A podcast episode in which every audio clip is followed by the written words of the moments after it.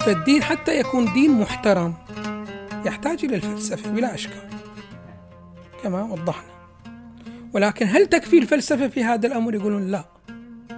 للأسف الشديد إحنا عندنا بعض العبادات التي هي تطوي الطريق إلى شنو؟ ماذا؟ إلى السالك وإلى الذي يسير إلى الله سبحانه وتعالى. ولكن للأسف الشديد هذه العبادات عبادات مغفولة عنها. شوف إحنا عندنا عبادة النبي صلى الله عليه وآله يقول في حقها ساعة من ممارسة هذه العبادة خير من عبادة أخرى بسنة كاملة سنة كاملة. وهو عبارة عن شنو؟ عن التفكر ساعة. تفكر ساعة خير من عبادة الله سبحانه وتعالى مدة سنة. فهذه شنو؟ من الأمور التي يمكن أن تطوي الطريق. للأسف الشديد إحنا شنو ماذا؟ ما نمارس هكذا عبادة. نمارس عبادة الصلاة عبادة الصوم وإلى آخره بهي الصورة. مع أنه هذه أهم من تلك العبادة. ولكن نحن شنو ماذا؟ مضيعين وإلى آخره.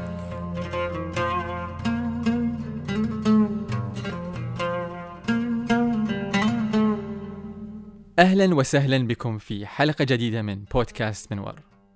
بودكاست منور حيث نتعمق. مع ضيوفنا من عالم مسطح إلى عالم أعمق وأنجع وأجدر. في هذه الحلقة نستضيف الشيخ أحمد الشهابي. الشيخ أحمد عالم دين متخصص في الفلسفة والعقائد والأخلاق. تارة عندما نذكر كلمة أو كلمتي الدين والفلسفة في جملة واحدة قد يستغرب البعض ويتساءل كيف يلتقيان؟ فنظرتنا للدين أنها عبادة وأخلاق فأين موقع الفلسفة؟ إلا أننا في هذا في هذا اللقاء مع الشيخ أحمد نود أن نتعمق أكثر ولا سيما في مسير الإنسان نحو التكامل الذي به استطاع الإنسان أن يخترع ويصنع ويتقدم وقد يقول البعض لا نحتاج إلى الدين ولا للفلسفة ولا لكل هذا الكلام. وقد يقول الآخر أننا في عبودية المادة. فبين هذا وذاك نتساءل في هذه الحلقة مع الشيخ أحمد. أولا شيخ أحمد مرحبا بكم في هذه الحلقة من بودكاست منور. أهلا وسهلا بكم. ثم نشكركم على هذه الاستضافة في مجلسكم ففي الواقع نحن ممتنون لكم لهذه آه، لهذه الجلسة ولقبول هذه الدعوة منا. خدمتكم سلمكم الله. أحسنتم. آه شيخ أحمد نبدأ بأصل الموضوع ما ما هي الفلسفة؟ ما هو هذا العلم؟ وبالأخص عندما نقول الفلسفة الإسلامية ماذا نعني؟ بسم الله الرحمن الرحيم الحمد لله رب العالمين وصلى الله على محمد وآله الطيبين الطاهرين ابتداء الفلسفة علم يعتني هذا العلم بالواقع الخارجي. فأول مسألة في الفلسفة هي عبارة عن الإيمان بتحقق واقع في الخارج. ثم النظر في هذا الواقع. فننظر في أقسام هذا الواقع. فالواقع إذا نظرنا فيه نلاحظ أن هناك وجود يعبر عنه بوجود واجب الوجود.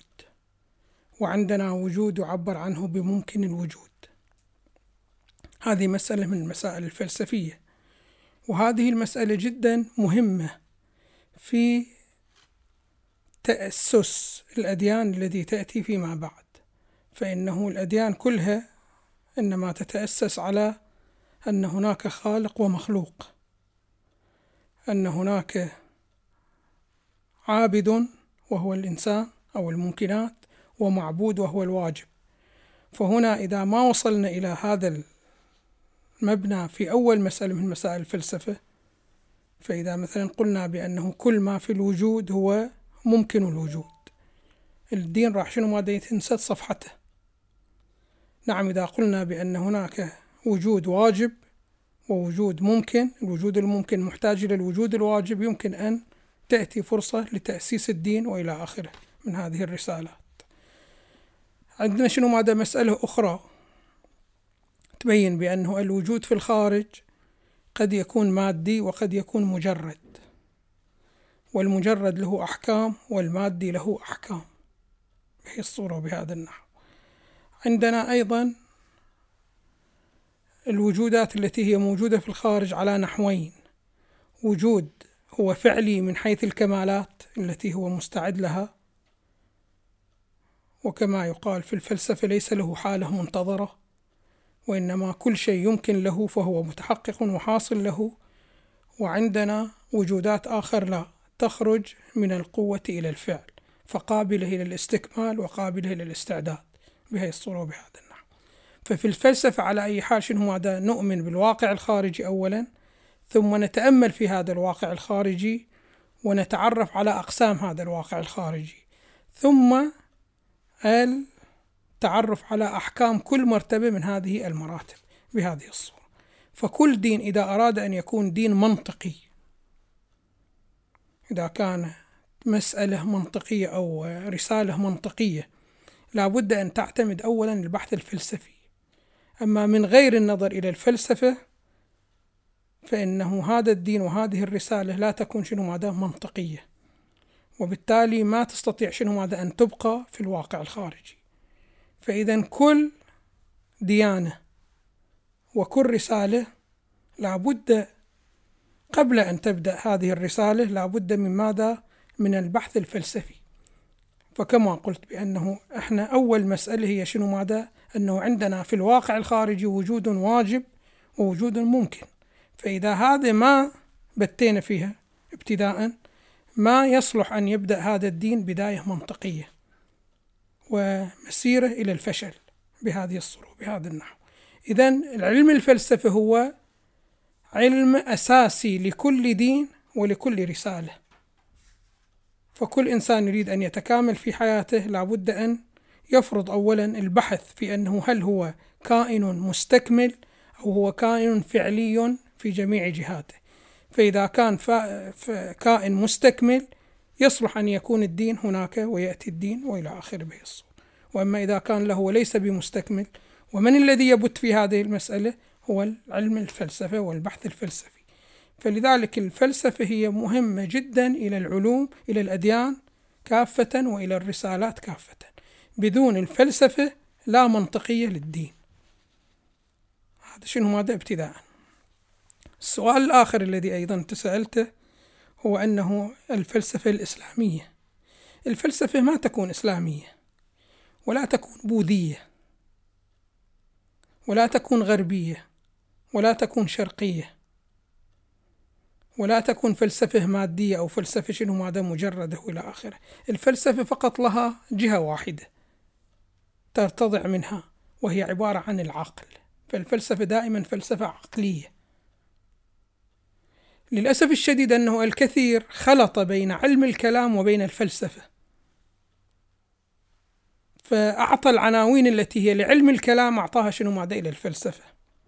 علم الكلام هو ابتداء يعين له مجموعة من المعتقدات ثم يبدأ شنو ماذا يدافع عن هكذا معتقدات. هذا شنو ماذا؟ علم الكلام. أما الفيلسوف عندما يأتي إلى البحث ما عنده أي معتقد محترم. كل معتقد قابل لأن يتصحح وكل معتقد قابل لأن يخطأ ابتداء هكذا. ثم يطرح كل معتقد يحتمل على العقل. أما في علم الكلام لا يدخل وهو مقرر لمعتقداته ثم يبدأ الدفاع عنها. فإذا كانت هذه المعتقدات تتناسب مع المعتقدات الإسلامية يعبر عنه علم كلام إسلامي.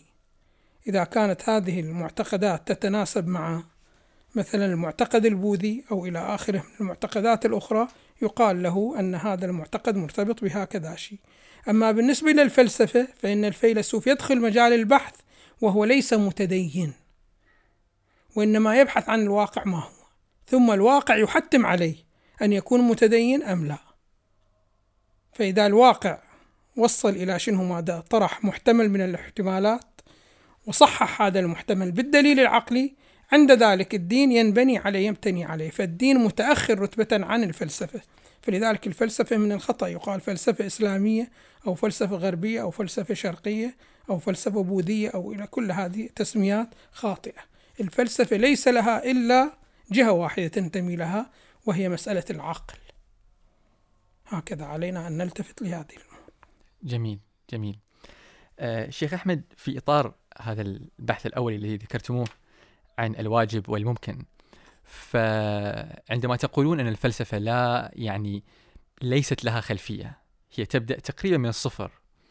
فالتعبير بالواجب والممكن أليس هذا مرتبة من مراتب الاعتقاد مثلا؟ لا. الواجب هو عبارة عن الكائن الذي يكون وجوده ضروري. يعني أنا أجي عندما أنظر إلى الواقع. أتوصل إلى هذين الأمرين بأنه ألاحظ بعض الأمور مرت مرحلة من المراحل ما أقول زمن مرحلة من المراحل. لا تتصف بالوجود ولا تتصف بالتحقق ولا بالواقعية. ثم اتصفت بالواقعية. فهذا أصطلح عليه شنو؟ ماذا بالممكن. وعندي وجودات لا أستطيع أن أفرض لها حالة ليست متحققة. فأستطيع أقول هذا شنو؟ ماذا هذا واجب. فواجب الوجود وممكن الوجود مي مصطلحات إسلامية. لا هذه المصطلحات موجودة من مئات السنين. يعني من آلاف السنين مو مئات السنين. لأنه من تصنيفات أرسطو هي مشتملة على هكذا مصطلحات وإلى آخره بهذه الصورة. فهي قبل الإسلام الواجب هو عبارة عن ضروري الوجود والممكن هو عبارة عن الذي قد يتصف بالعدم وقد يتصف بالوجود بهذه الصورة وبهذا النحو. فهي المصطلحات ليست مصطلحات إسلامية. لطيف. بما أنكم ذكرتكم ذكرتم أرسطو مثلا نسبة إلى الفلسفة. فلعل السؤال الذي يتبادر إلى الذهن هو كيف نشأ أو كيف نشأ هذا العلم أي الفلسفة في العالم الإسلامي؟ الفلسفة في الواقع ما يعني ما هو تاريخه مثلا؟ الفلسفة في الواقع ما نستطيع أن نعطيه فترة زمنية نشأ فيها. مم. لا. يعني هو منذ أن وجد الإنسان على هذه الكرة الأرضية الفلسفة وجدت. لماذا؟ لأن الله سبحانه وتعالى جعل في الإنسان ميولات فطرية. واحد من الميولات الفطرية الميل إلى معرفة الواقع والتعرف عليه بهي الصورة وبهي النحو. وهذا منذ أن وجد الإنسان هو مع هذا الأمر.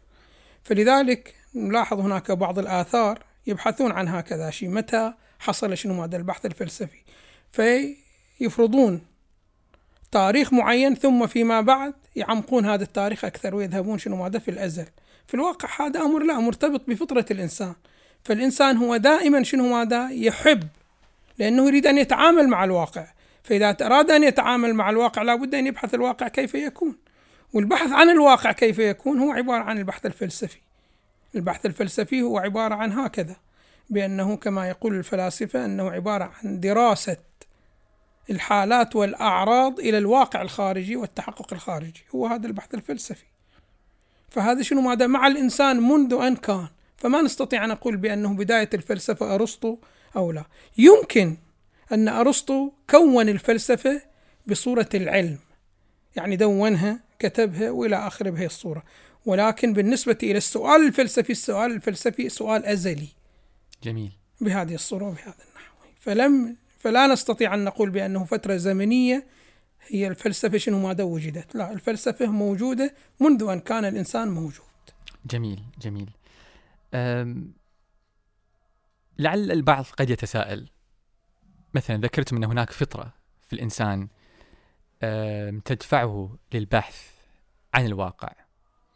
فالسؤال الذي قد ينطرح أن هل هذه الفطرة في الواقع يعني هل هي موجودة في الكل؟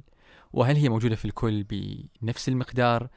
يعني لعل السؤال الذي يتبع هذا والذي قد يستخرج من هذا السؤال هو أن هل هذا العلم يعني للكل أو البحث عن الواقع للكل؟ أو لا مثلا هناك مجموعة من الناس قد يبحثون في الواقع وبعدين يعني نتائجهم واستنتاجاتهم ممكن ينشرونها بين الناس أو لا أن هل كل إنسان مثلا لا نقول يجب ولكن ينبغي أن يبحث في الواقع وأن بين قوسين يتفلسف مثلا؟ هو الله سبحانه وتعالى عندما خلق البشر خلقهم كلهم وفيهم هذا الاستعداد. يعني استعداد التعرف على الله سبحانه وتعالى والتعرف على الله سبحانه وتعالى يمر عبر البحث الفلسفي فهناك في استعداد للبحث الفلسفي والاشتغال للبحث الفلسفي. ولكن المشكلة بأنه الإنسان عندما يأتي إلى هذه الدنيا وهو بريء ونظيف من كل التلوثات هنا شنو ماذا يتلوث؟ فإما أن تكون التربية تربية منحرفة فتهمله عن شنو ماذا عن هكذا حيثي حيثيات. أو شنو ماذا؟ الثقافة التي يدرسها ثقافة شنو ماذا تبعده عن هذه الحيثيات فيصير شنو ماذا؟ هكذا تحريف. وإلا الإنسان ابتداء كل إنسان يأتي وهو مشتمل على الاستعداد للتعرف على هذه المسائل. ولكن هناك أمور كثيرة تلعب به ذات اليمين وذات الشمال فما يبقى على فطرته السليمة. وإلا إذا دخل في هذا المجال استجاب إلى فطرته ودخل هذا المجال وتجرد عن التقليد وعن العصبية وعن الاستكبار. هذه العناصر الثلاثة هي عناصر جدا تؤخر من الإنسان. فأنت مثلا بتدخل شنو ماذا بحث علمي وعندك شخصية شنو ماذا ترجع إليه وتقلدها ما راح تستجيب إلى شنو ماذا إلى ما يدعوك إليه العاقل. وهكذا إذا دخلت البحث العلمي وعندك عصبية لبعض الآراء ولبعض الشخصيات ما راح شنو ماذا تصل إلى ما هو الحق. وكذلك إذا كنت مستكبر ومعتز بما عندك من المعتقدات السابقة أيضا شنو ماذا؟ ما راح تصل إلى الحق. أما إذا استجبت إلى الجانب الفطري وإلى الدعوة الفطرية وتجردت عن هذه الأمور الثلاثة بلا إشكال تصل إلى معرفة الواقع كما هو وقد هذا الواقع إذا تعرفت عليه بمعرفة صحيحة يسوقك إلى شنو ماذا؟ إلى الاعتقاد بواجب الوجود ومن ثم شنو ماذا؟ الديانة وإلى آخره بهذه الصورة. فهي أمور مترابطة بهذه الصورة وبهذا النحو. جميل. آه شيخ أحمد أنتم ذكرتم يعني كلمات تقريبا استخدمتوها بشكل مرادف وقد يكون فهمي يعني خاطئ. قلتم الواقع ثم قلتم الحق ثم قلتم مثلا الله سبحانه وتعالى. فهل نفهم منكم أن الواقع والحق والله وواجب الوجود هم كلهم أمر واحد أو؟ ابتداء قد نحدث نحو من المغايرة. ولكنه لا إذا تعمقنا أكثر راح يظهر شنو ماذا أن المسائل هي واحدة. فالواقع هو الله فقط. أها. إيه. وغير الله سبحانه وتعالى لا يكون له واقع إلا بمقدار ما ينتسب به لله سبحانه وتعالى. جميل. إيه. والواقع هو عبارة عن الحق. فإن الحق هو عبارة عن الثبوت. الحق هو عبارة عن الثبوت, الثبوت. هكذا معناه هي الصورة. والواقع هو عبارة أيضا شنو؟ ماذا عن الثبوت. غاية الأمر بأنه ابتداء عندما نبدأ في البحث الفلسفي ابتداء قد شنو ماذا؟ نقول بأنه الواقع أو التحقق هو شنو ماذا؟ قد نقول هو متعدد. ولكن إذا تعمقنا في البحث أكثر يتبين بأن الواقع لا الواقع واحد والواجب الوجود واحد والوجود واحد. ولكن تجليات هذا الوجود وظهورات هذا الوجود هي شنو ماذا المتعددة بهذه الصورة وبهذا النحو. فما عندنا أي مشكلة بأن نقول بأنه الواقع يرادف الحق والحق يرادف الوجود. ما عندنا أي مشكلة من هذه الحيثية جميل. شيخ أحمد يعني عندما تذكرون هذه المطالب يبدو لي أن يبدو لي أن البحث الفلسفي والبحث العقلي هي بحوث يعني إذا ممكن أستخدم هذا التعبير هي بحوث واجبة بين قوسين يعني. ولكن أرى أن في الواقع الدين الذي نراه حولنا يعني منغمس أكثر في ال في ال عندما عندما أقول أستخدم كلمة الدين لعلي أقصد كل الديانات التي يعني صادفتها صادفت مظاهرها يعني في الواقع. هي يعني غير مهتمة بهذه العقليات كثيرا إنما بالشعائر ولعله يعني كلش كلش إذا بنقرب يمكن علم الكلام كما تفضلتم يعني هناك إيش نعتقد بها وخلاص. بس التجرد قليل يعني أنا يمكن شوي مستغرب هل هل صار في خلل؟ هل في نظريات مختلفة؟ شنو شنو اللي حاصل يعني؟ هو شوف الإنسان إذا حرص على أن يكون منطقي في تحركاته لابد أن يبدأ بالفلسفة وبالعلوم العقلية ابتداء. جميل. ولكن المشكلة بأنه الكثير زاهد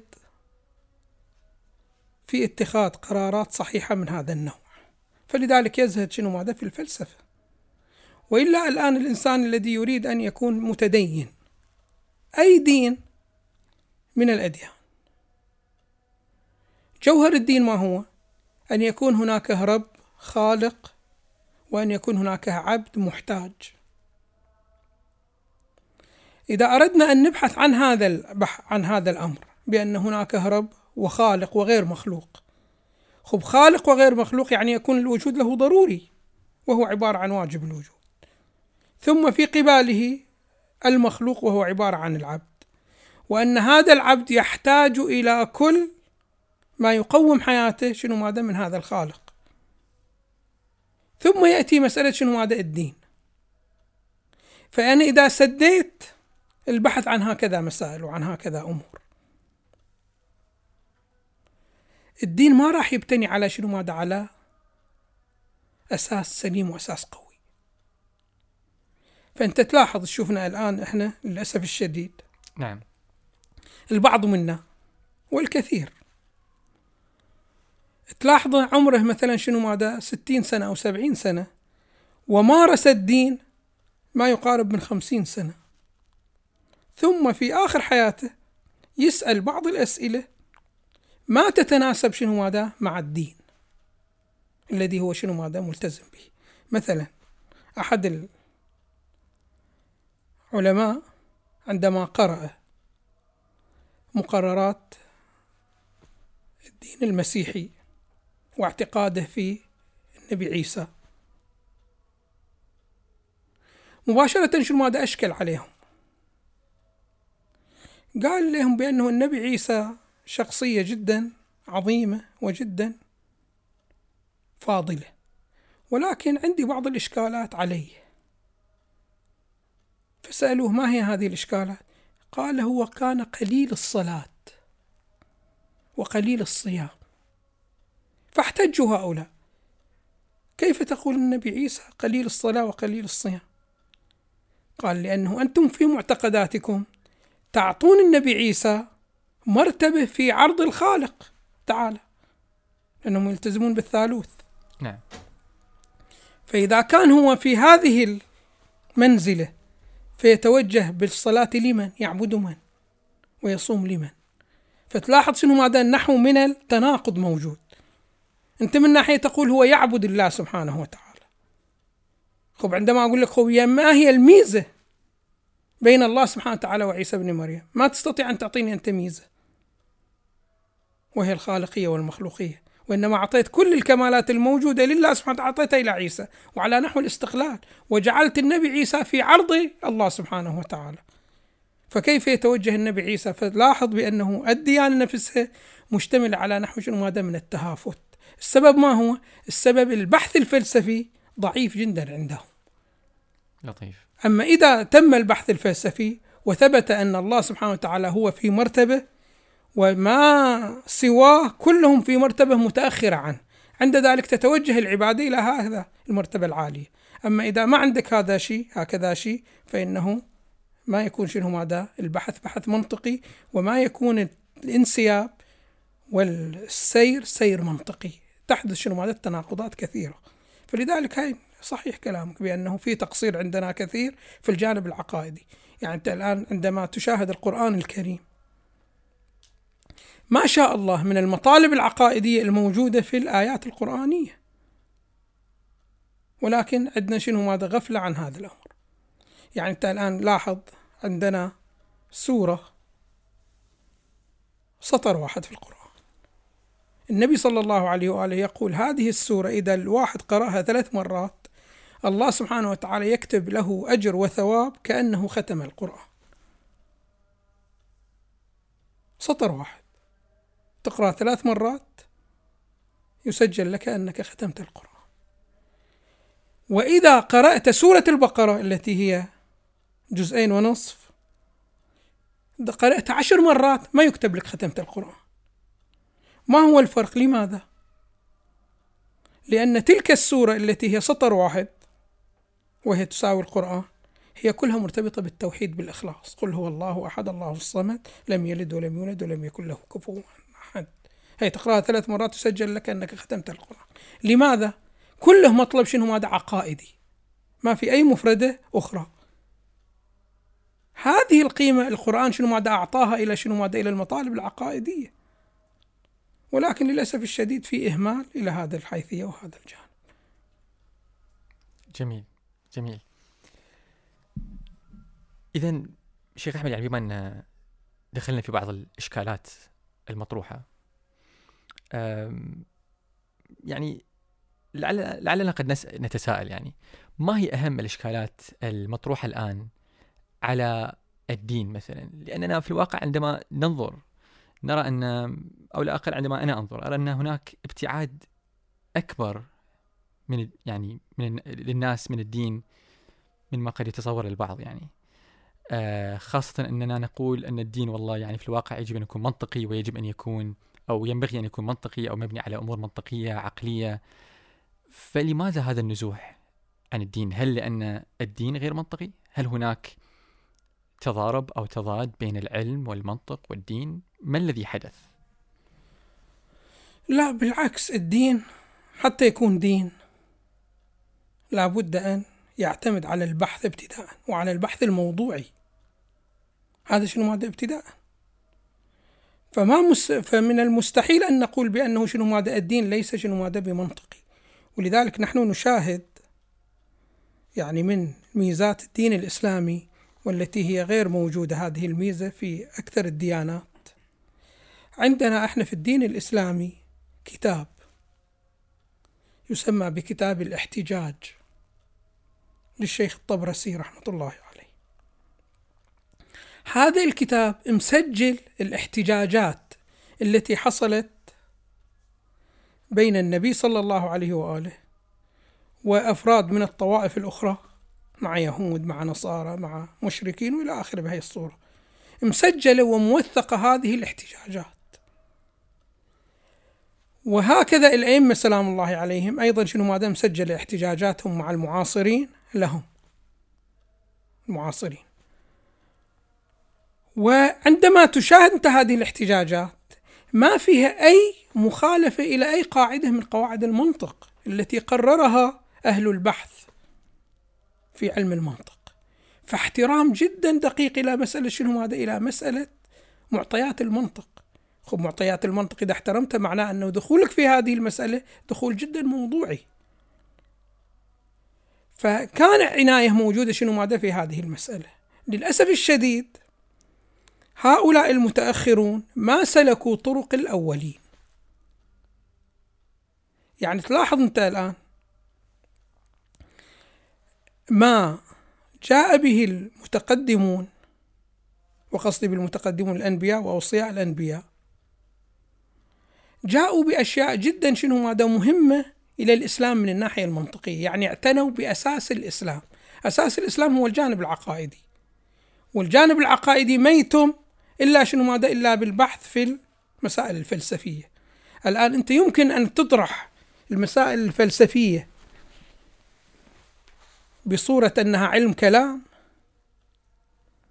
واضح شلون؟ أو تطرحها شنو ماذا بصورة كمواد فلسفية. هذا بعد مرتبط بشنو ماذا بالواقع الذي أنت تعيشه. فمثلا بعض العلماء عاشوا في زمان كان ضد الاتجاه الفلسفي. وهو يريد شنو ماذا أن يتكلم في علم العقائد.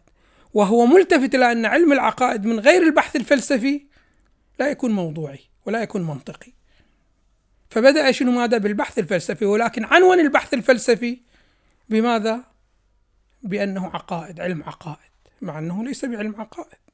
ولكن لأنه عاش في مجتمع إذا عرض هذا الكتاب بعنوان البحث الفلسفي راح يزهدون فيه ويعادوه. فطرح شنو ماذا؟ بصورة البحث العقائدي بهي الصورة وبهذا النحو.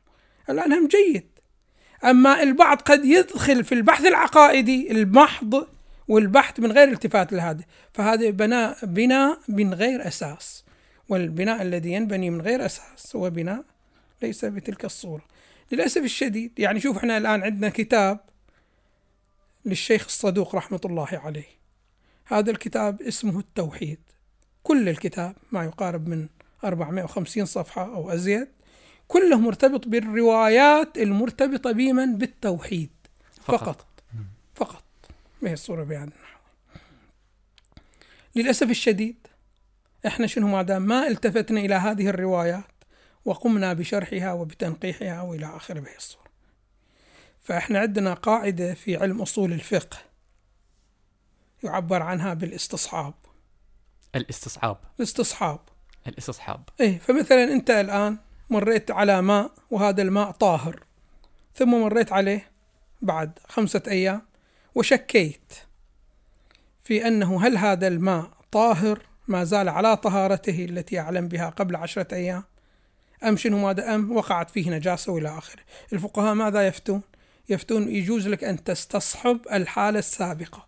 شنو الحالة السابقة؟ عن الطهارة اللي أنت كنت متأكد بها اجريها الآن. وقل ما زال الإناء باقي على طهارته. هي يعبر عنها بقاعدة الاستصحاب.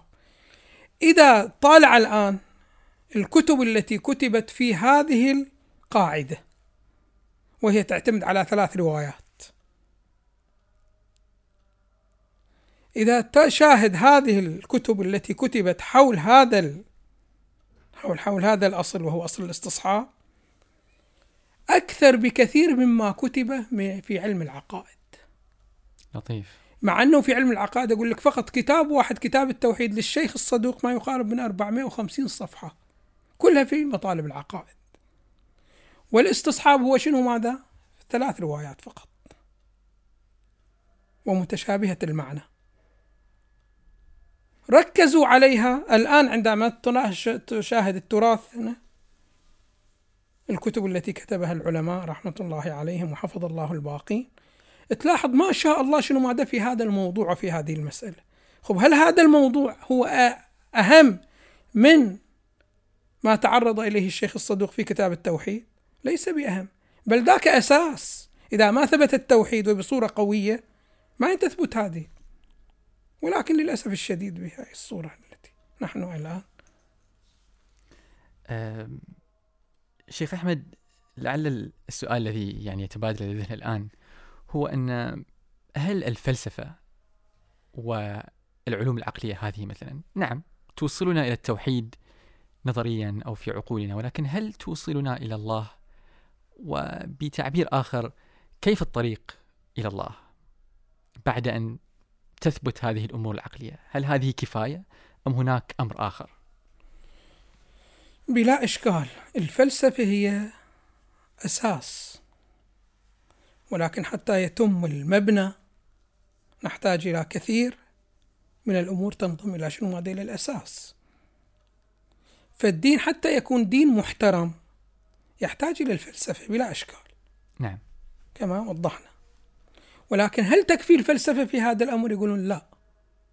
للأسف الشديد إحنا عندنا بعض العبادات التي هي تطوي الطريق إلى شنو؟ ماذا؟ إلى السالك وإلى الذي يسير إلى الله سبحانه وتعالى. ولكن للأسف الشديد هذه العبادات عبادات مغفولة عنها. شوف إحنا عندنا عبادة النبي صلى الله عليه وآله يقول في حقها ساعة من ممارسة هذه العبادة خير من عبادة أخرى بسنة كاملة سنة كاملة.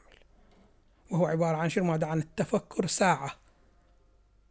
تفكر ساعة خير من عبادة الله سبحانه وتعالى مدة سنة. فهذه شنو؟ ماذا من الأمور التي يمكن أن تطوي الطريق. للأسف الشديد إحنا شنو ماذا؟ ما نمارس هكذا عبادة. نمارس عبادة الصلاة عبادة الصوم وإلى آخره. بهي الصورة. مع أنه هذه أهم من تلك العبادة.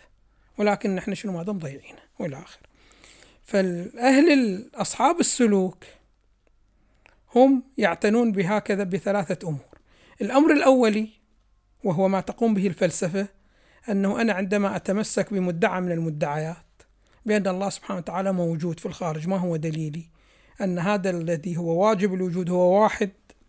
ما هو دليلي؟ واضح شلون؟ أن هذا هو المؤثر ولا مؤثر سواه إلا وهو محتاج له. هذا أيضا شنو؟ ماذا أحتاج إلى دليل. ولكن هذا ما يكفي في الوصول إلى الله سبحانه وتعالى. نحتاج إلى عملية شنو؟ هذا الاستذكار. يعني شنو الاستذكار؟ الاستذكار هو أنه نكرر هكذا النتيجة التي نحصل عليها من الدليل الفلسفي نكررها. نكررها إلى أن تكون شنو ما دام ملكة راسخة في النفس. ثم عندنا العبادة هي عبادة الاستذكار. ثم عندنا عبادة يعبر عنها بعبادة الاستشعار القلبي. شنو عبادة الاستشعار القلبي؟ أحاول أنه هكذا معلومة التي ثبتت أنزلها شنو ماذا إلى القلب. يعني شنو أنزلها إلى القلب؟ أن أوصلها إلى مرحلة تكون هي على الإطلاق هي الموجهة لي. بهي الصورة. وكما يقول عنها الإمام الجواد سلام الله عليه واعظ من النفس. فهكذا. فحتى يفيد المطلب الفلسفي حتى تفيدنا الفلسفة ونستثمر الحقيقة التي توصلنا إليها نحتاج إلى عبادة الاستذكار وتحويل المعلومة من صورة الحال باصطلاحهم إلى حال الملكة الصفة الراسخة ثم شنو ماذا نحتاج إلى؟ استشعار القلب. عند ذلك تكون الإنسان دائما شنو ماذا في مقام التعامل العملي؟ تشوف دائما هذه المعلومة حاضرة وحاضرة بصورة حية توجه الإنسان إلى هكذا شيء. عند ذلك شنو ماذا تطوى له الطريق في الوصول إلى الله سبحانه وتعالى والحصول على مقامات جدا شنو ماذا كريمة وجليلة الصورة بهذا النحو. جميل.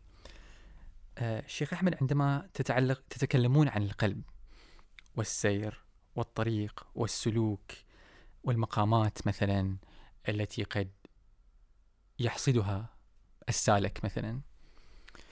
آه، ممكن تفصلون فيها أكثر مثلا ما هي حيثيات هذا الطريق إذا أمكن؟ يعني أكثر أكثر من العوامل الثلاثة ممكن إذا ندخل فيها شوي أكثر. هو ابتداء طبعا هذا علم وعلم له مصطلحاته. وله قواعده وله شنو ماذا الطرق التي شنو ماذا يسلكها. للأسف الشديد هذا العلم مستبعد. مستبعد. مستبعد جدا جدا. وهو غريب لأن أتوقع أن أليس السير إلى الله تعالى هو الهدف مثلا؟ هو هذا صحيح هذا على نحو ولكن مشكلة الجهل المركب. فالكثير منا يظن بأن الدين هو فقط الصلاة والصيام هذا الذي نحن نشتغل به الآن وهو عبارة عن الصلاة السطحية والصيام السطحي. جميل. طبعا الصيام يقولون له مراتب. واحدة من مراتبه هي عبارة عن شنو؟ ماذا؟ عن ترك الأكل والشرب. هذه مرتبة من مراتبه. ثم هناك مرتبة ثانية هي عبارة عن ترك. كل شيء حرام. فالآن عندما تنظر إلى الرسالة العملية للفقهاء رضوان الله عليهم ما تلاحظ بأنه الغيبة من المفطرات. ولكن إذا أردت تمارس الصوم بالمرتبة الثانية لابد أن ماذا؟ أن تجتنب شنو؟ ماذا؟ الغيبة. حركة رجلك. إذا أردت أن تتحرك برجلك إلى مقصد فيه معصية. المرتبة الثانية للصيام تقول هذه مفطرة للصوم مبطلة للصوم. ولكن الرسالة العملية ما تقول بأنه هذه شنو ماذا مفطرة. فإذا المرتبة الثانية هي عبارة عن شنو ماذا عن عدم الإتيان بأي معصية من المعاصي سواء صدق عليها الأكل أم لم يصدق عليها صدق عليه الشرب أم لم يصدق؟ هذه المرتبة الثانية المرتبة الثالثة أن لا تهتم بشيء إلا وهو يرضي الله سبحانه وتعالى. والله سبحانه وتعالى يريدك منه الهم والاهتمام بالأمور. فإذا اهتميت بأمر الله سبحانه وتعالى ما يريده ما يوجهك إليه هذا يعتبر شنو؟ ماذا مفطر. للأسف الشديد إحنا شنو ماذا الآن نظن بأنه الصيام الذي يريده الله سبحانه وتعالى هو شنو ماذا المرتبة الأولى فقط وهي ترك الشرب والأكل بهي الصورة هذا الأمر ليس بصحيح لماذا؟ لأنه الرسالة العملية ماذا تحقق للمكلف؟ تحقق له أمر شيء يسير جدا وهو أنه ترفع عنك العقوبة فقط ولكن هل هكذا صوم. يكسبك مقام من مقامات القرب من الله سبحانه وتعالى. يقولون لا. مقامات القرب ما تحصل عليها إلا بممارسة المرتبة الثانية والمرتبة الثالثة.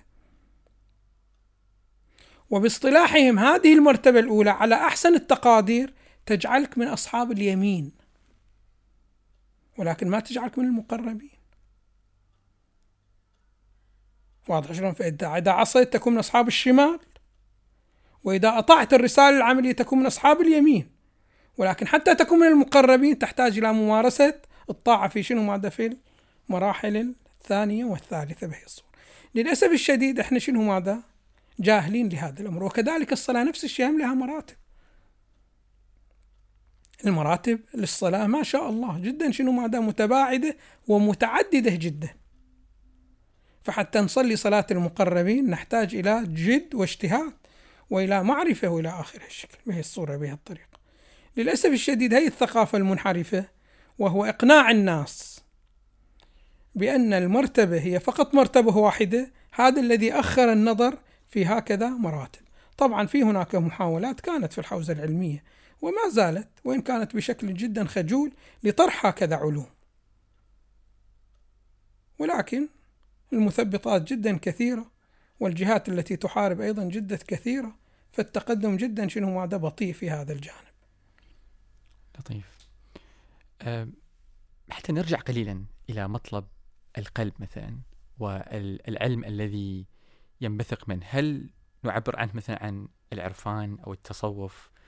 أه وكيف تكون معالم هذا هذه المعرفة وهذا العلم وهذا الطريق مثلا؟ إذا ممكن نوضح شوي أكثر مثلا. يعني قد يطرح هذه المسألة بعنوان شنو ماذا التصوف؟ إيه. أو يطلع شنو ماذا بمسألة العرفان العملي في قبال العرفان النظري. قد هكذا يطرح بهكذا شيء بهي الصورة بهذا النحو. الآن مو مو التسمية. المهم توجيه الناس للالتفات إلى هكذا أشياء وإلى هكذا شنو ماذا مسائل. أي التعمق و... أي التعمق في هكذا حيثيات لأنه هذا يوضح لك قيمة ما أنت مشغول به شنو ماذا بالعبادة أنا حاولت بأنه أطرح بعض الكتب في هكذا مجال في بعض الحوزات العلمية. حصلنا على ما حصلنا عليه من ال... هذا حال ما نفتح شوي تفصيل في هاي المسألة إيه. ولكن في محاولات هناك. فعندنا كتاب يعبر عنه بكتاب الحكم العطائية. جميل. إيه. لابن عطاء الله؟ ابن عطاء الله السكندري. نعم. إيه تقريبا أنا درسته مرتين ودورة انهيناها والدورة الثانية على آخرها بهي الصورة بهذا النحو. وفي كتاب منازل السائرين الأنصاري. أيضا شنو ماذا في هذه الحيثيات؟ مشغولين شنو ماذا بتدريسه؟ ولكن محاولات جدا شنو ماذا خجولة لكثرة المعاندين والذين ما يقبلون بهكذا توجهات تطرح هذه المسألة هل هي مسألة مختصة بمنطقة معينة أو طريق معين أو لا؟ على نطاق العالم الإسلامي يعني بأكمله أن هذه المشكلة أو على نطاق العالم الديني بأكمله هذه المشكلة موجودة؟ لا للأسف الشديد بأن هذه المسألة مو مختصة بمنطقة من المناطق. فإحنا كنا قبل في المفروض في منطقة هي مقر لهذه العلوم وهي مصدر لهذه العلوم. كنا شنو ما نحصل على كثير من الاتجاهات المعاكسة لهذا الأمر إلى آخره بهي الصورة فهذه المسألة موجودة يعني. أنا حتى أقرأ في عن بعض السلوكيات إلى بعض الطوائف في الهند. نعم. وهي يعني الهند المفروض هي أكثر الدول قربا لهكذا أشياء سلوكيات إلى آخره. هم شنو ماذا عندهم؟ من شنو ماذا يعادي هذا الأمر؟ في الهند نفسه. في الهند نفسه. والمعادين على شنو ماذا؟ على أنحاء. باعتبار هكذا علوم مطلوبة في الهند من الناحية الاجتماعية. البعض شنو ماذا؟ يطرحها ولكن يطرحها بصورة منحرفة. حتى يأمن إليه بعض المصالح وإلى آخره بهي الصورة بهذه يعني لماذا هذا التوجس؟ يعني ما أدري السبب شنو. التخوف من هكذا أبحاث وإلى آخره بهي الصورة بهي الطريقة يعني يحتاج إلى علماء النفس يطرح عليهم هكذا مشكلة حتى يبينون لماذا. أنه شنو ماذا هؤلاء يكونوا مضادين لهذا الشيء. فإحنا على أي حال بعض الإخوان يقول أنا أرى بأنه الذين يعادون هكذا شيء لأنهم يتصورون بأن هذه ضد الدين. لطيف. وهم محبين للدين فيحاولون شو ماذا أن يدفعون ما هو مضاد للدين. فهم يحاربون هذا الشيء من هذا المنطلق بهذه الصورة بهذه النحو. إيه. ولكن بعض الآخرين قال هذا من باب احمل أخاك المؤمن على سبعين محمل من الخير. وإلا قد يكون هناك بعض الأمور أخرى موجودة في النفوس وإلى آخره بهذه الصورة. على أي حال. فللأسف الشديد هو فيه معاداة جدا كثيرة لهكذا علوم جميل. هو يعني مسألة غريبة بالنسبة لي خاصة أن مثلا عندما ذكرتم أن هناك مثلا كتب بصفحات عديدة لأحاديث عن النبي وأصحاب النبي ومثلا الأئمة وال- والعلماء الذين في الواقع احتجوا باحتجاجات تنطبق مع بعض القواعد المنطقية أو تنطبق مع القواعد المنطقية والفلسفية وهلم جرى فهو مستغرب في الواقع. جدا مستغرب قلت لك لأنه هو شوف الإنسان إذا بدأ من البحث الفلسفي ابتداء ثم شنو ماذا؟ أثبت وجود الخالق وأثبت وجود المخلوق وبين العلاقة التي هي موجودة بين الخالق والمخلوق وإلى آخره. ثم بين بأن هذه العلاقة لها مراتب ولها ثمار وآثار مختلفة فمن الطبيعي أن يأتي شنو ماذا؟ بهذه الأبحاث ويعمق هذه الأشياء التي وصل إليها بمرتبة المراتب شنو ماذا؟ يعمقها حتى. فهو التعميق أمر طبيعي. ولكن له ومنطقي وموضوعي ولكن للأسف الشديد ما أدري هو الدخول من الأساس كان دخول منحرف فلذلك ما توصلوا لهكذا شيء أو أنه لا. على أي حال في انحراف في جهة من الجهات لا بد من البحث عنها وتقويمها وتصحيحها. شيخ أحمد يعني في هذا السياق لعل السؤال الذي يتبادل على ذهني هو كيف وقعتم أنتم في التعلق بالفلسفة وال وال والعلوم العقلية وهلم جرى يعني أنتم كيف تعلقتم بهذا العلم؟ والله شو أقول لك؟ يعني هو يعني هو المجتمع ينقسم إلى قسمين. في مجتمع عاطفي يميل للعاطفيات ومجتمع شنو ماذا؟ عقلي يميل شنو ماذا؟ إلى العقليات وإلى السؤال.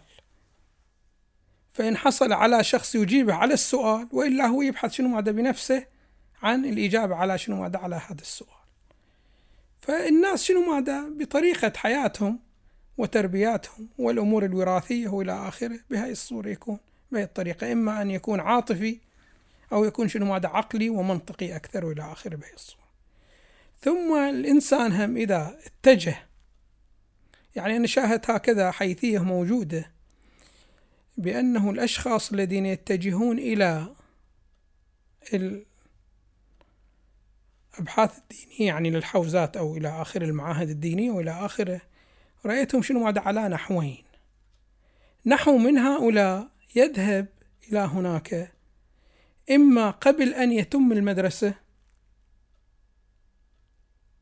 أو شنو ماذا أتم فقط المدرسة وما ذهب إلى دراسة جامعية وإلى آخره بهي الصورة بهي الطريقة.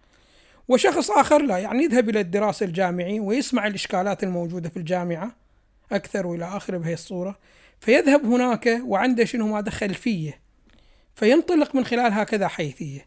أنا شفت أكثر الطلبة اللي يعتنون بهي الحيثيات وهي الجوانب شفتهم شنو ماذا أكثرهم طلبة جامعيين. هسه إما أنهم منهي الجامعة أو شنو ماذا يعني منهي بعض سنوات الجامعة وإلى آخره. كان في هذه شوفوا شنو ماذا أكثر في هكذا شيء. أما بعض الأشخاص وكثير يعني اللي يأتون شنو ماذا من خلال قبل ما ينهون المدرسة مالهم. تشوفه لا شوي تقليدي باصطلاحهم كلاسيكي أكثر بهي الصورة بهي الطريقة. جميل.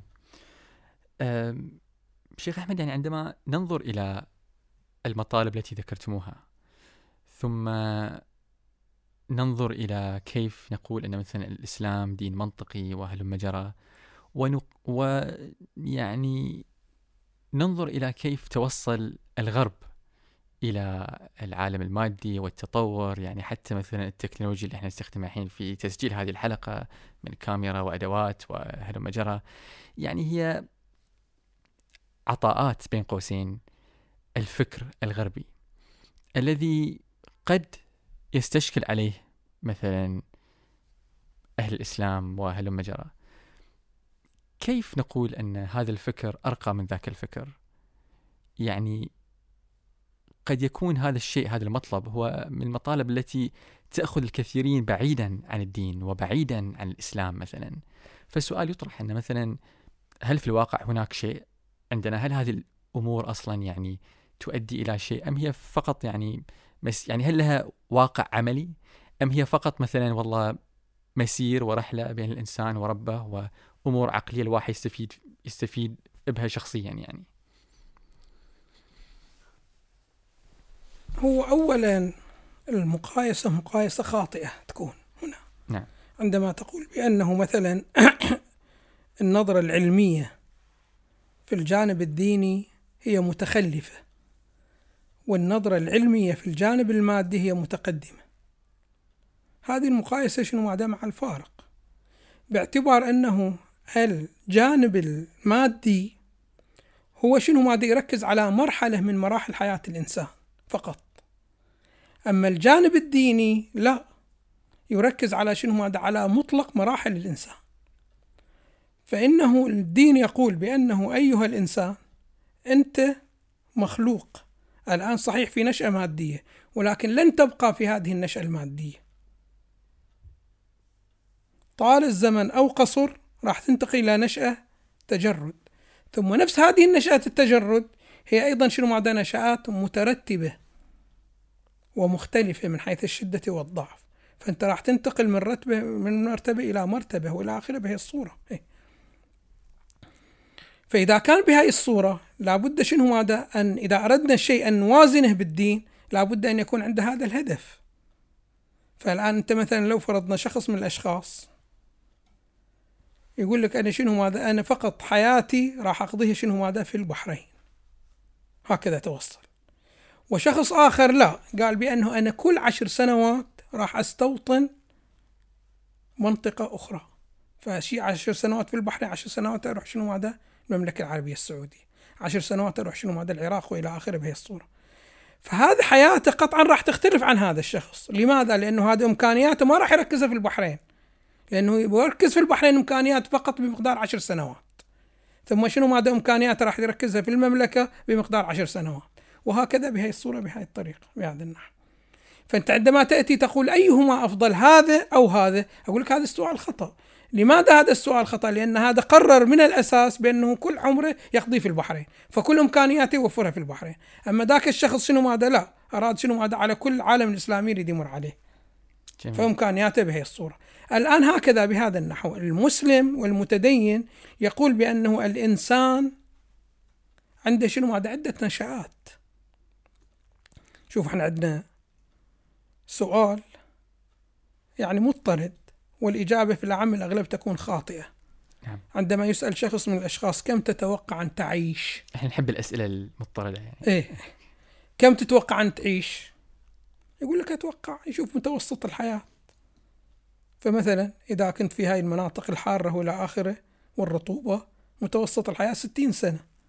أما إذا كنت في مناطق باردة وجافة متوسط الحياة سبعين خمسة وسبعين سنة. بهي الصورة بهي النحو. فيقول لك خمسة وسبعين سنة إذا زادت ثمانين سنة. واضح شلون؟ هذا شكل الجواب السؤال والجواب بهذه الصورة بهي النحو هذا شنو؟ جدا من الأخطاء الكبيرة. إذا واحد سأل كم ترجو أن تعيش؟ تقول أرجو أن أعيش أنا خالد. النبي صلى الله عليه وآله ماذا يقول؟ خلقتم للبقاء مو للفناء. نعم هذه الحياة المادية مرحلة من مراحلي. فأنت عندما تسألني كم تتوقع أن تعيش في الحياة المادية فالجواب الصحيح أقول لك 80 سنة أو 70 سنة أو 75 سنة. أما كم أعيش على نحو الإطلاق هذا السؤال غلط. لماذا؟ لأنه أنا خالد. وجدت إلى شنو ماذا؟ إلى الخلود. ما في شنو ماذا؟ أي فناء بهي الصورة. فهنا شنو ماذا يعتمد على هكذا أمر. فمن يستطيع نحن نقول شنو ماذا؟ أنه الجهة الدينية هي متخلفة عن الجهة المادية. إضافة إلى أنه الدين ما دعاك للتخلف في الجانب المادي. بدليل أنه أساسا كانوا المسلمين في زمن من الأزمنة كانوا متقدمين على شنو ماذا على النهضة في أوروبا. وأساسا كانوا الأوروبيين يدرسون في الأندلس وإلى آخره عند عند مسلمين وإلى آخره بهذه الصورة. فنحن أساسا تخلفنا عن الإسلام حين لم نلتفت إلى الأمور الدنيوية وحين لم نلتفت إلى الأمور الأخروية. فإن الإسلام ما يقول لك تخلف في الأمور الدنيوية وإنما يقول لك شنو ما تتقدم للأمور الدنيوية. لماذا؟ لأنه الأمور الدنيوية هي دار الامتحان فتحتاج إلى اهتمام بهي الصورة. ولكن نحن للأسف الشديد أغفلنا توجيهات الإسلام في الدنيا وفي الآخرة بهي الصورة بهي النحو. فالآن إحنا عندما يكون عندنا سلوك خاطئ لا ننسب هذا السلوك الخاطئ إلى شنو ماذا؟ إلى الإسلام. الإسلام ما دعانا إلى هذا الأمر. ولكن إحنا تصرفاتنا تصرفات خاطئة. بهي الصورة وبهذا النحو. يعني بشكل أدق لماذا تعتقدون أن العالم الإسلامي تخلف عن مثلا أوروبا والعالم الغربي؟ تاريخيا أتكلم. يعني إحنا عندنا مشكلة أساسية بأنه الرجل الكفؤ ليس في مكانه المناسب. إيه. فهي المشكلة الأساسية كلها. فأنت إذا أعطيت إمكانياتك كلها بيد شخص ليس هو بكفؤ وبمناسب لتحمل هكذا مسؤولية راح شنو ماذا يحرف الأمة عن شنو ماذا عن مقاصدها وعن شنو ماذا مسارها الصحيح. هو بهي الصورة. فالأساس هو كل شنو ماذا الرجل المناسب أو الرجل غير المناسب في المكان غير المناسب له. جميل. هذه المشكلة الأساسية. ذكرتم الأندلس وأن أن الغربيين مثلا درسوا في العالم الإسلامي في التاريخ وهلم جرى ممكن تأخذنا إلى يعني على جولة صغيرة على بعض الشخصيات والأعلام في الفلسفة الذين عاشوا أو خلينا نقول الذين برزوا في العالم الإسلامي مثلا تاريخيا. يعني الآن الآن الفلاسفة الغرب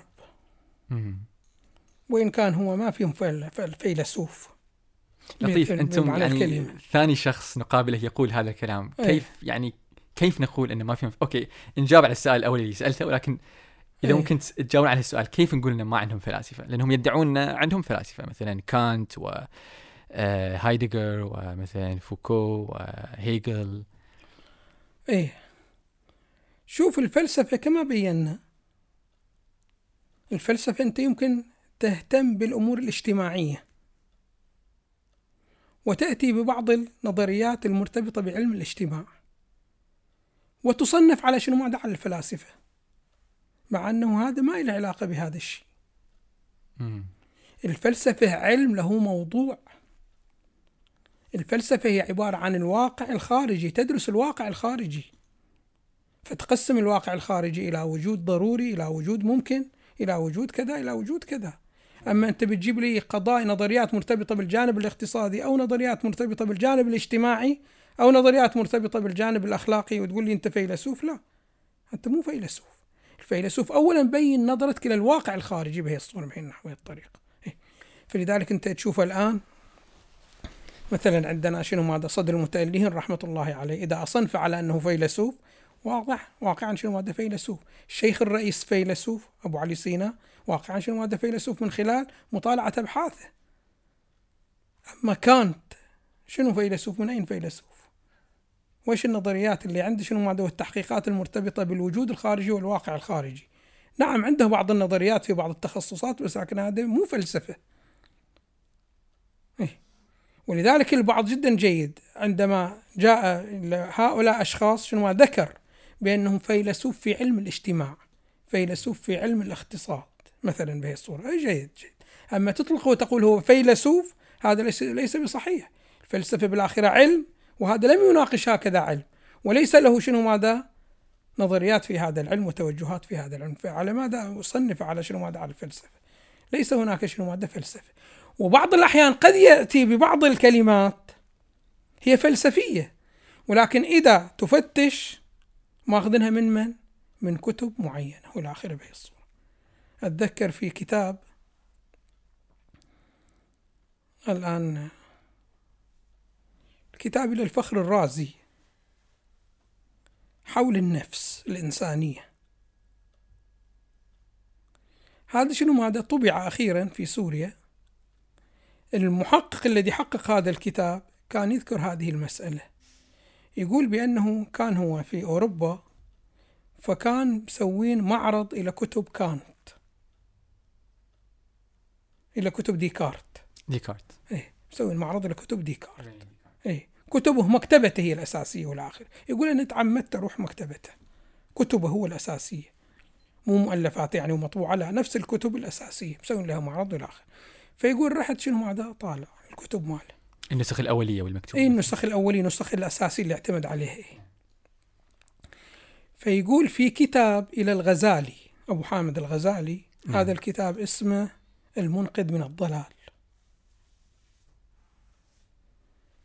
نسخة مترجمة له هو إلى ديكارت يقول لاحظت هاي النسخة قمت أقرأ فيها وإلى آخره فشفته وش يسوي يجي تحت بعض العبارات اللي تعجبه يحط في الحاشية هذا العبارة تدون في كتابنا الفلاني. هذا العبارة تدون في الكتاب الفلاني. يقول فعلا رحت هناك مدونة شنو هذا العبارات وما مسندنها. قال هي العبارة إلى الغزالي وإلى آخره. لا مو بهذه الصورة. فالواحد عندما يجي يقرأ يظن بأنه شنو ماذا هذه العبارة؟ عبارته. والمفكر يتبين له التناقض. أنت هاي العبارة لو كانت عبارتك هذه العبارة تستلزم معلومات أخرى. أنت هذه العبارة تنقلها هنا بعد صفحتين تبين معنى من المعاني يتناقض جدا مع هذا المعنى. فكيف تكون هاي عبارتك؟ فكثيرا شنو ماذا من الأحيان بهي الصورة يكون. فالغرب ما في فيلسوف. لطيف بل لا يسمح لأن يكون هناك فيلسوف. آه لماذا؟ لأنه الفيلسوف يصطدم مع شنو هذا مع الجهات السياسية. مم. إيه لأنه الفيلسوف إذا كان فيلسوف عدل أخيرا شنو هذا بيوجههم إلى الإسلام؟ وهذا لا يتناسب مع شنو هذا مع مرئياتهم ومع ما يسيرون إليه. عندما تقول الإسلام هل تعني مثلا التوحيد أو لا؟ الإسلام كدين مثلا. شوف إحنا عندنا الإسلام التوحيد والتوحيد هو الإسلام. جميل. بهذا المعنى. إن الدين عند الله الإسلام. الإسلام مو معنى هي المبادئ ولا آخر اللي إحنا لا نصطلح عليها بالإسلام. إذا يعني الانقياد إلى الله سبحانه وتعالى. حقيقة الدين الانقياد إلى الله سبحانه وتعالى. هكذا به الصورة بينه فشوف شوف الباحث إذا أردت باحث بريء جدا ويصح أن يكون قدوة لمن يريد القدوة عندك هنري كوبن. هذا شنو؟ هذا فرنسي. كان في أيام السيد العلامة الطباطبائي رحمة الله عليه. هذا هو ينظر في كل الأديان وكان يبحث عن دين. كان عنده بعض الإشكالات هذه الذي عطلته إلى أن التقى بالسيد العلامة الطباطبائي رحمة الله عليه وتناقش معه حول هكذا المسائل وهي مسألة شنو؟ هذا الإمام المهدي. فعندما عرف نظر المذهب الاثنى عشري حول الإمام المهدي مباشرة قال للسيد خلاص انتهت المسألة. هذا الذي أنا كنت أريد أبحث عنه في الأديان. لأنه ما معقول الله سبحانه وتعالى يكون عنده دين في الأرض يطالب الناس به وما عنده من يصل به إلى هكذا متدينين وإلى هكذا شيء. فأنت عندما لي موجود هكذا شيء شخصية خلاص أنا بعد شنو ماذا؟ هذا المجال انسد عندي وحصلت على الجواب الذي أبحث عنه بين الصورة بين النحو فشوف هذا بدأ هو من الجانب الفلسفي هنري كوبن أي مطلب أن أن هناك أن هناك خالق أن هناك مخلوق أن هناك هكذا هالشكل. ثم؟ استكمال إلى آخره. ثم شيء فشيء يجي إلى شنو؟ ماذا؟ إلى الإمامة. مم. ثم أثبت الإمام الثاني عشر به الصورة بين فهذا شنو؟ ماذا؟ فيلسوف باحث عن الحقيقة. أما الكثير لا مو باحث عن الحقيقة. وإنما باحث عن شنو ماذا عن جهة ويتعصب لها يريد يسندها بأدلة فيغالط نفسه ويعتبر ما ليس بدليل دليل وإلى آخره بهي الصورة وبهي الطريقة. لطيف. إيه. آه شيخ أحمد هناك مقولة أحد أعضاء الفريق يعني استخرج المقولة من الكتاب وأراد أن نعرض نعرض المقولة عليكم ونشوف وجهة نظركم فيها فبقرأها لكم. وبعدين ممكن آه، تعطون وجهة نظركم. يقول حساسية المنتحرين تعني فقدانهم الحس والشعور تجاه مظاهر جمال العالم. المنتحرين الذي أي الذي ينتحر. إنهم يتميزون بالبلادة والبله ولذلك يتأثرون بشدة في مواجهة الصعاب فيعجزون عن مقاومتها. ومن الطبيعي أن يقدم أمثال هؤلاء على الانتحار بل إن الخير في ذلك فوجودهم عار على البشرية والخير في أن يتطهر المجتمع البشري منهم. هو إحنا مسألة ظاهرة الانحراف هي ظاهرة منحرفة. الانتحار. الانتحار. نعم. الانتحار ظاهرة شنو؟ مادة منحرفة. فلذلك المجتمع إذا شافوا واحد شنو؟ ماذا يريد أن ينتحر ما يشجعون له يوضعون له الإمكانيات حتى ينتحر. لا. فإن هناك إذا عالم دين يحاول شنو ماذا أن يصل إليه ويقنع شنو ماذا بعدم الانتحار. وإذا كان هناك نظام فهذا النظام يضغط عليه ويأخذ شنو ماذا ويسجنه وما يوفر له أي مادة يمكن أن ينتحر من خلالها. وإذا كان طبيب نفساني فيجي الطبيب النفساني ويجلس معاه حتى شنو ماذا حتى يعدل عن الانتحار. فهذا معناه أن الانتحار أمر خاطئ. وعلى المجتمع شنو ماذا أن يواجهه؟ عالم الدين الطبيب النفساني النظام السياسي كل شنو ماذا عليه أن يمنع هذا الشخص شنو ماذا من الانتحار. الانتحار هو عبارة عن انحراف. وهو عبارة عن شنو ماذا عن ما ذكرت أنه شنو ماذا أنه هناك في مصاعب في الحياة.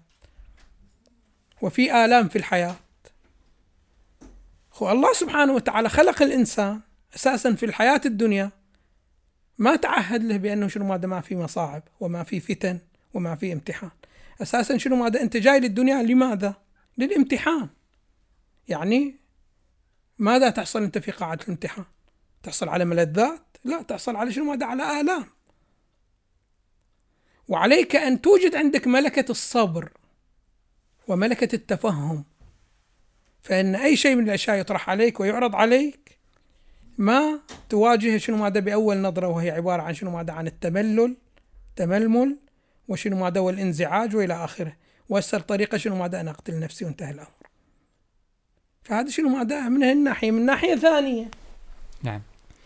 بأنه أنت من قال لك بأنه أنت تستطيع أن تنتحر. نقول فلان انتحر وفلان انتحر؟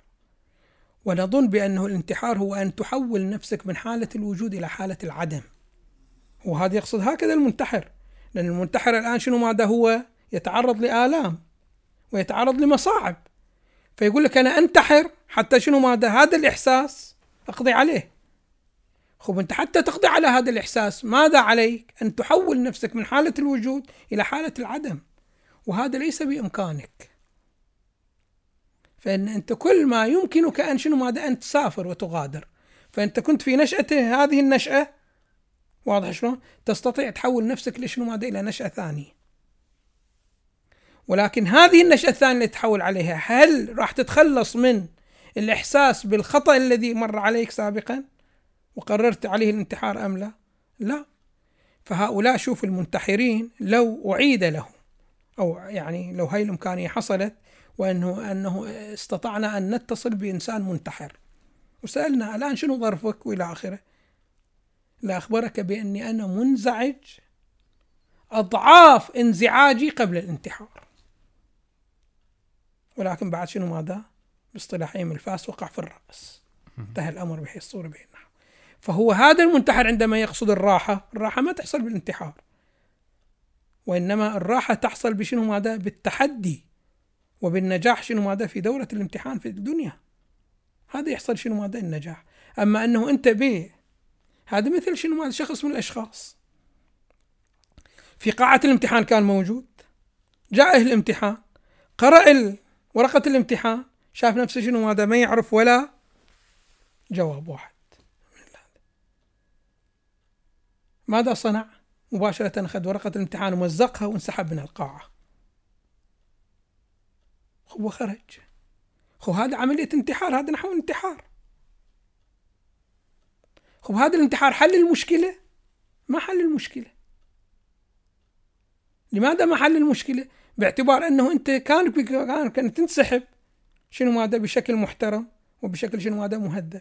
هذا الانسحاب المنحرف بحملك هم شنو ماذا؟ أكثر شنو ماذا؟ من هذه المسألة كان الخطأ منك ابتداء عندما جئت إلى الامتحان من غير شنو ماذا؟ تهيئة الأساليب. وتهيئة شنو ماذا؟ التهيئة للإجابة الصحيحة وإلى آخره بهي الصورة فهذا مو حل. هذا راح يعقد المشكلة أكثر. فإنك أنت تريد بالآخرة تعيش في الحياة الدنيا.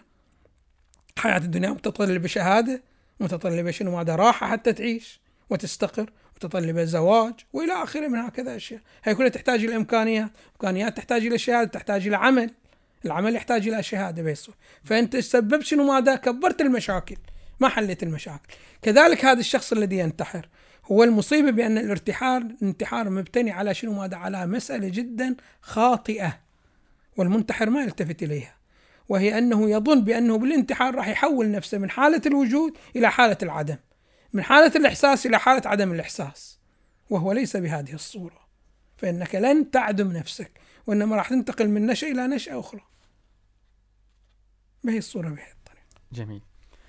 أه الشيخ أحمد أود أن يعني أتطرق إلى شيء طرأ في أحد اللقاءات التي حصلت مع أول شخص قابلناه في الواقع وهو باحث في الفلسفة الإسلامية اسمه محمد أويس خان.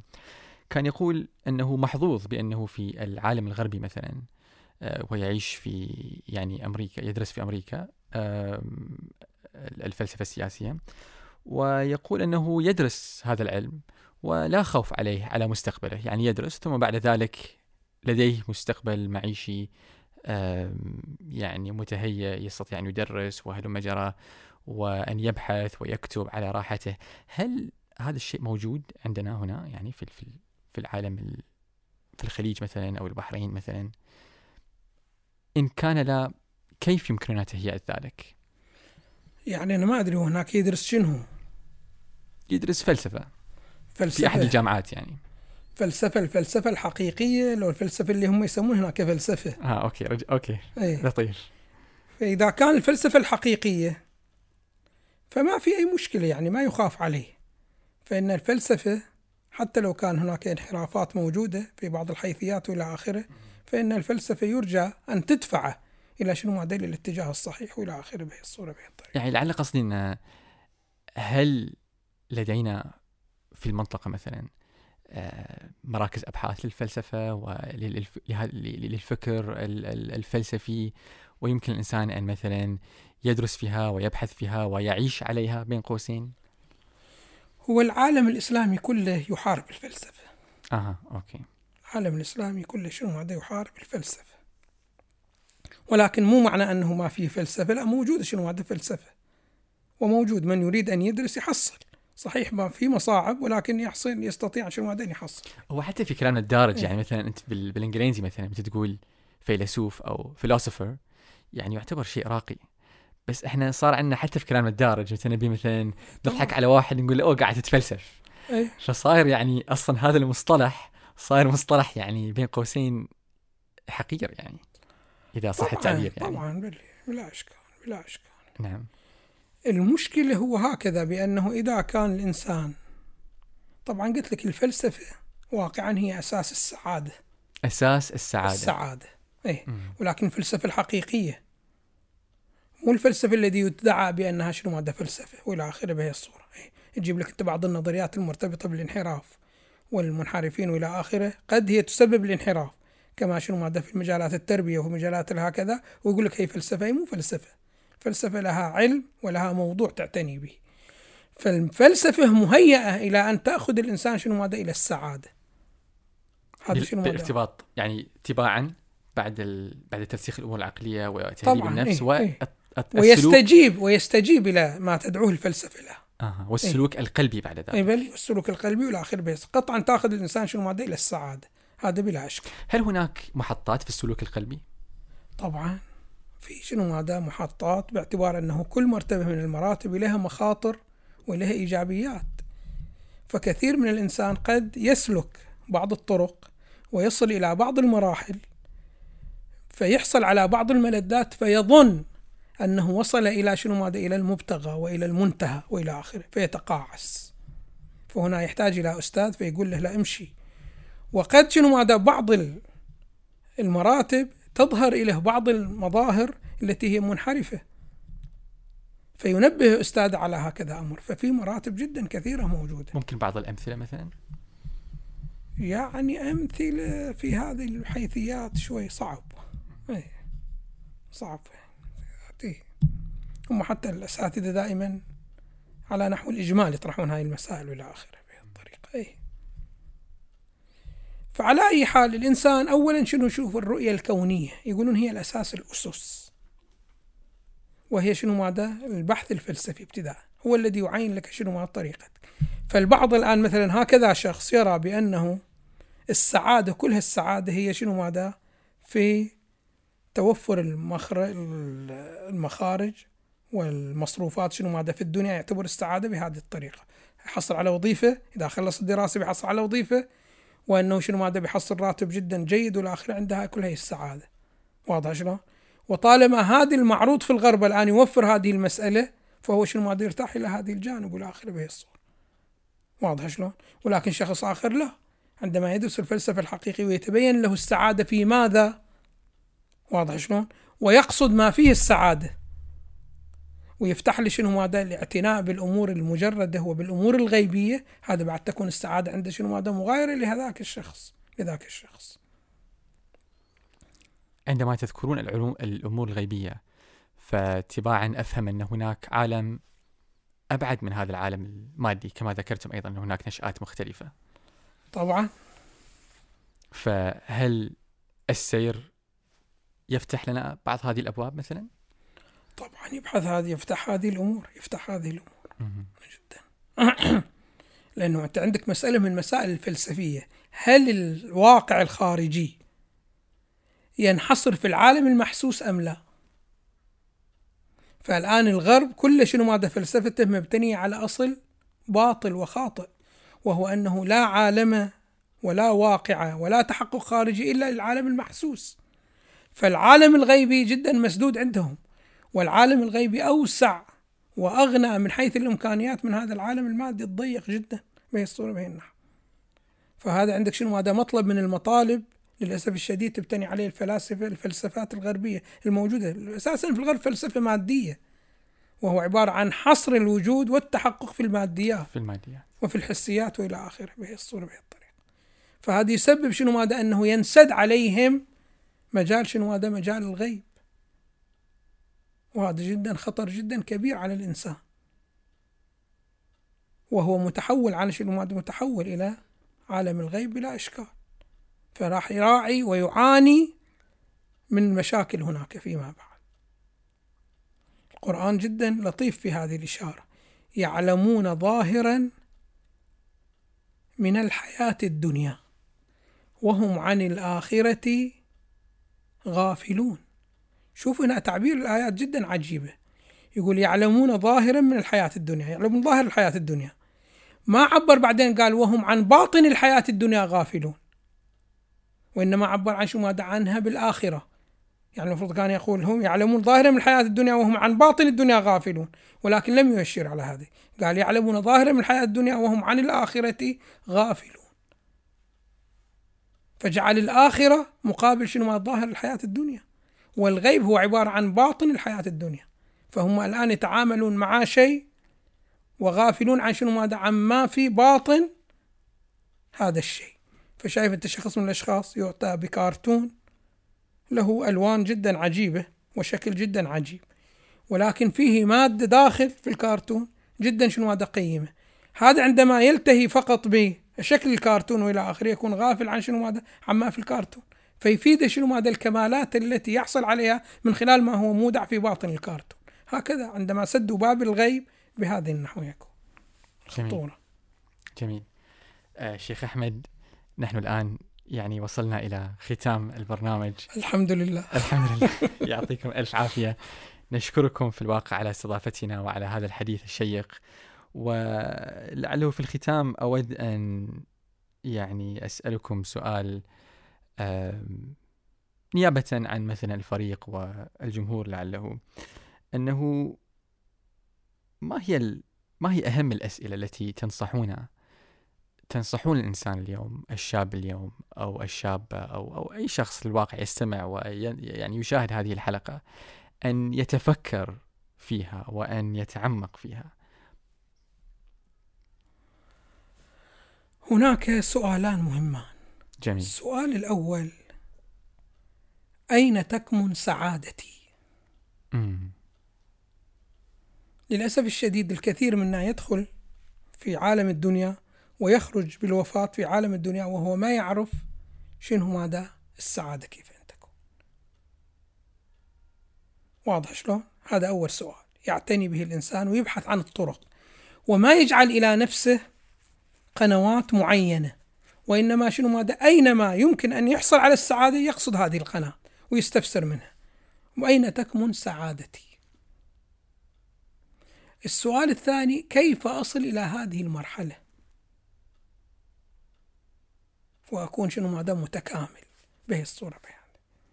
لأنه للأسف الشديد الكثير هو له شكل الإنسانية ولكن لا إنسانية فيه. فأنت إذا تبحث عن من فعل إنسانيته ما تلاحظ. يعني إذا لاحظت باصطلاحهم بوينت صفر صفر صفر صفر منا إلى البديع وبعدين تخلي واحد. إذا حصلت في المئة كذا شيء جدا جيد. ما عندنا. يعني دائما شنو ماذا إحنا الآن الكثير منا يحمل شكل الإنسان. ولكن لم يفعل شنو ماذا إنسانيته. واحدة من تفعيل الإنسانية هي عبارة عن شنو؟ ماذا عن التفكير. فالإنسان الذي لا يكون مفكر في الواقع لا يكون إنسان. والإنسان الذي لا يكون متكامل في الواقع شنو؟ ماذا لا يكون إنسان.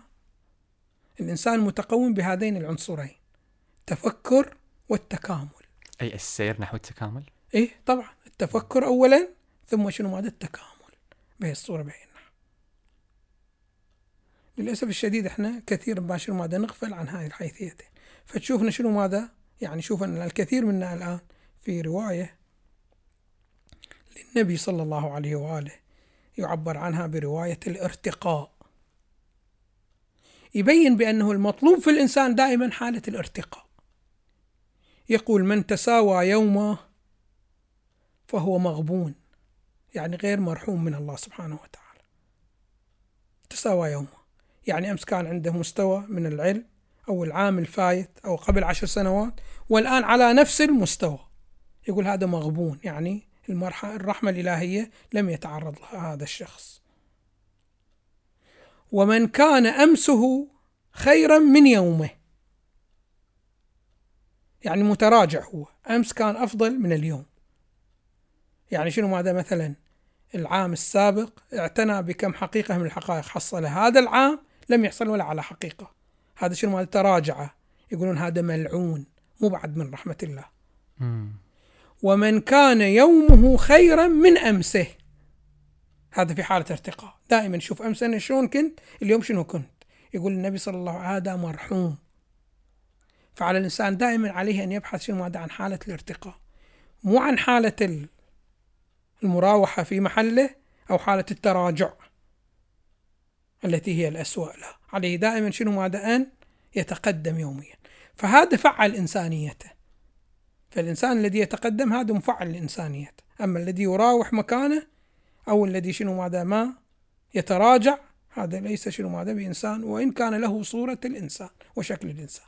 فللأسف الشديد إحنا نخلط بين صورة الإنسان وبين حقيقة الإنسان. به النحو والصورة شكرا جزيلا لك. الشيخ أحمد الله. على هذه الاستضافة وعلى هذه المساحة وعلى هذا الكلام وهذا الفضاء. وفي الختام أعزائي المستمعين والمشاهدين نشكركم على متابعة هذه الحلقة. ثم ندعوكم أن تتابعوا بودكاست منور على المنصات التي تحبونها وعلى الإنستغرام وال Apple Podcast و Spotify و Google Podcast أو أي المنصات التي تستخدمونها. وأن تنشروا هذه الحلقة مع من تعتقدون. أنه قد يستفيد منها أو قد تعجبه الحلقة والحوار وهلم جرى شكرا لكم ونتمنى لكم يوما سعيدا.